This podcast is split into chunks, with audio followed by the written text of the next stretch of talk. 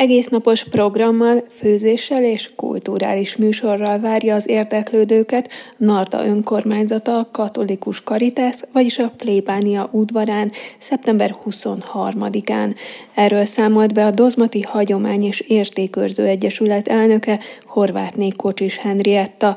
Az esemény jótékony célt szolgál, hogy mit pontosan, ennek részleteiről hallhatnak a következő percekben nemzetközi szinten, világszinten is ez a hónap, szeptember, a jótékonyság hónapja.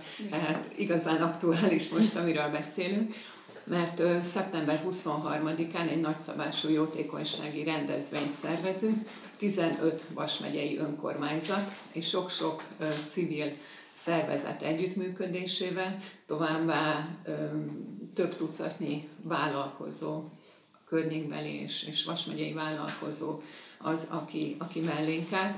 Így ezen a rendezvényen lehetőség van akár egy-két ezer embert is vendégül látni, és az, az étkezésre minden a vállalkozók felajánlásából született.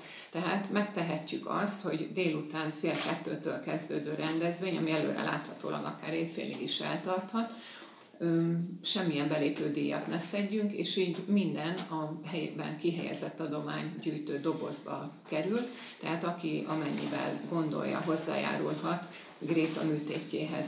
Grétáról annyit kell tudni, hogy pornoapátiban él a szüleibe, és négy éves korában agyi aneurizmát állapítottak meg nála, és a kislányon már két műtétet sikeresen végrehajtottak, de további 7-8 műtétre van szükség, amit valószínű, hogy csak külföldön lehet most már elvégezni, ez Magyarországon nem lehetséges, és egy magánklinikán tudják ezt Pozsonyban végrehajtani, ami sok-sok-sok-sok millió forintba kerül, és ezt a szülők sajnos önmagukból, önmaguktól nem tudják előteremteni. Tehát itt az a célunk, hogy minél több pénzt összegyűjtsünk ennek a tündéri kislánynak, mert amúgy meg nagyon kedves, aranyos, rengeteg könyvet olvas, művelt, értelmes kislány, csak a járás az például erősen korlátozott számára.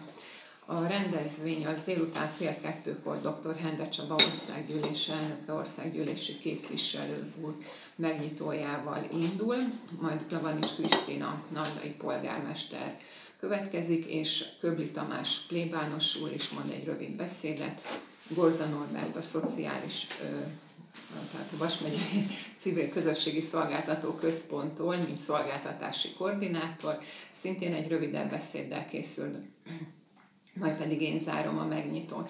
14 órától érseki Szent Mise lesz dr. Márfi Gyula érsek celebrálásával, Köbli Tamás plébános és Haller László plébános szintén közreműködnek, majd a Voxavária Ökumenikus Vegyeskar Lakner Bognár Nóla vezényletével. A kulturális programok között találhatunk asszonykórus, bábszínházat, különféle énekkart, könnyű és komoly zenei programokat.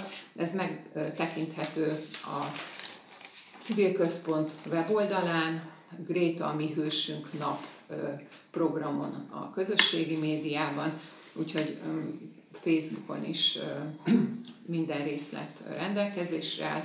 Számtalan kísérőprogram is lesz, az arcfestés, a csillámtetováláson át a lufi hajtogatásig, tűzoltó és rendőrautó bemutatóval is készülünk, szóval tényleg igazán színes a program, és a teljes ételfogyasztás, teljes bevétel minden a kislány ö, részére kerül felajánlásra, úgyhogy minden a Gréta, ami hősünk alapítvány segíti.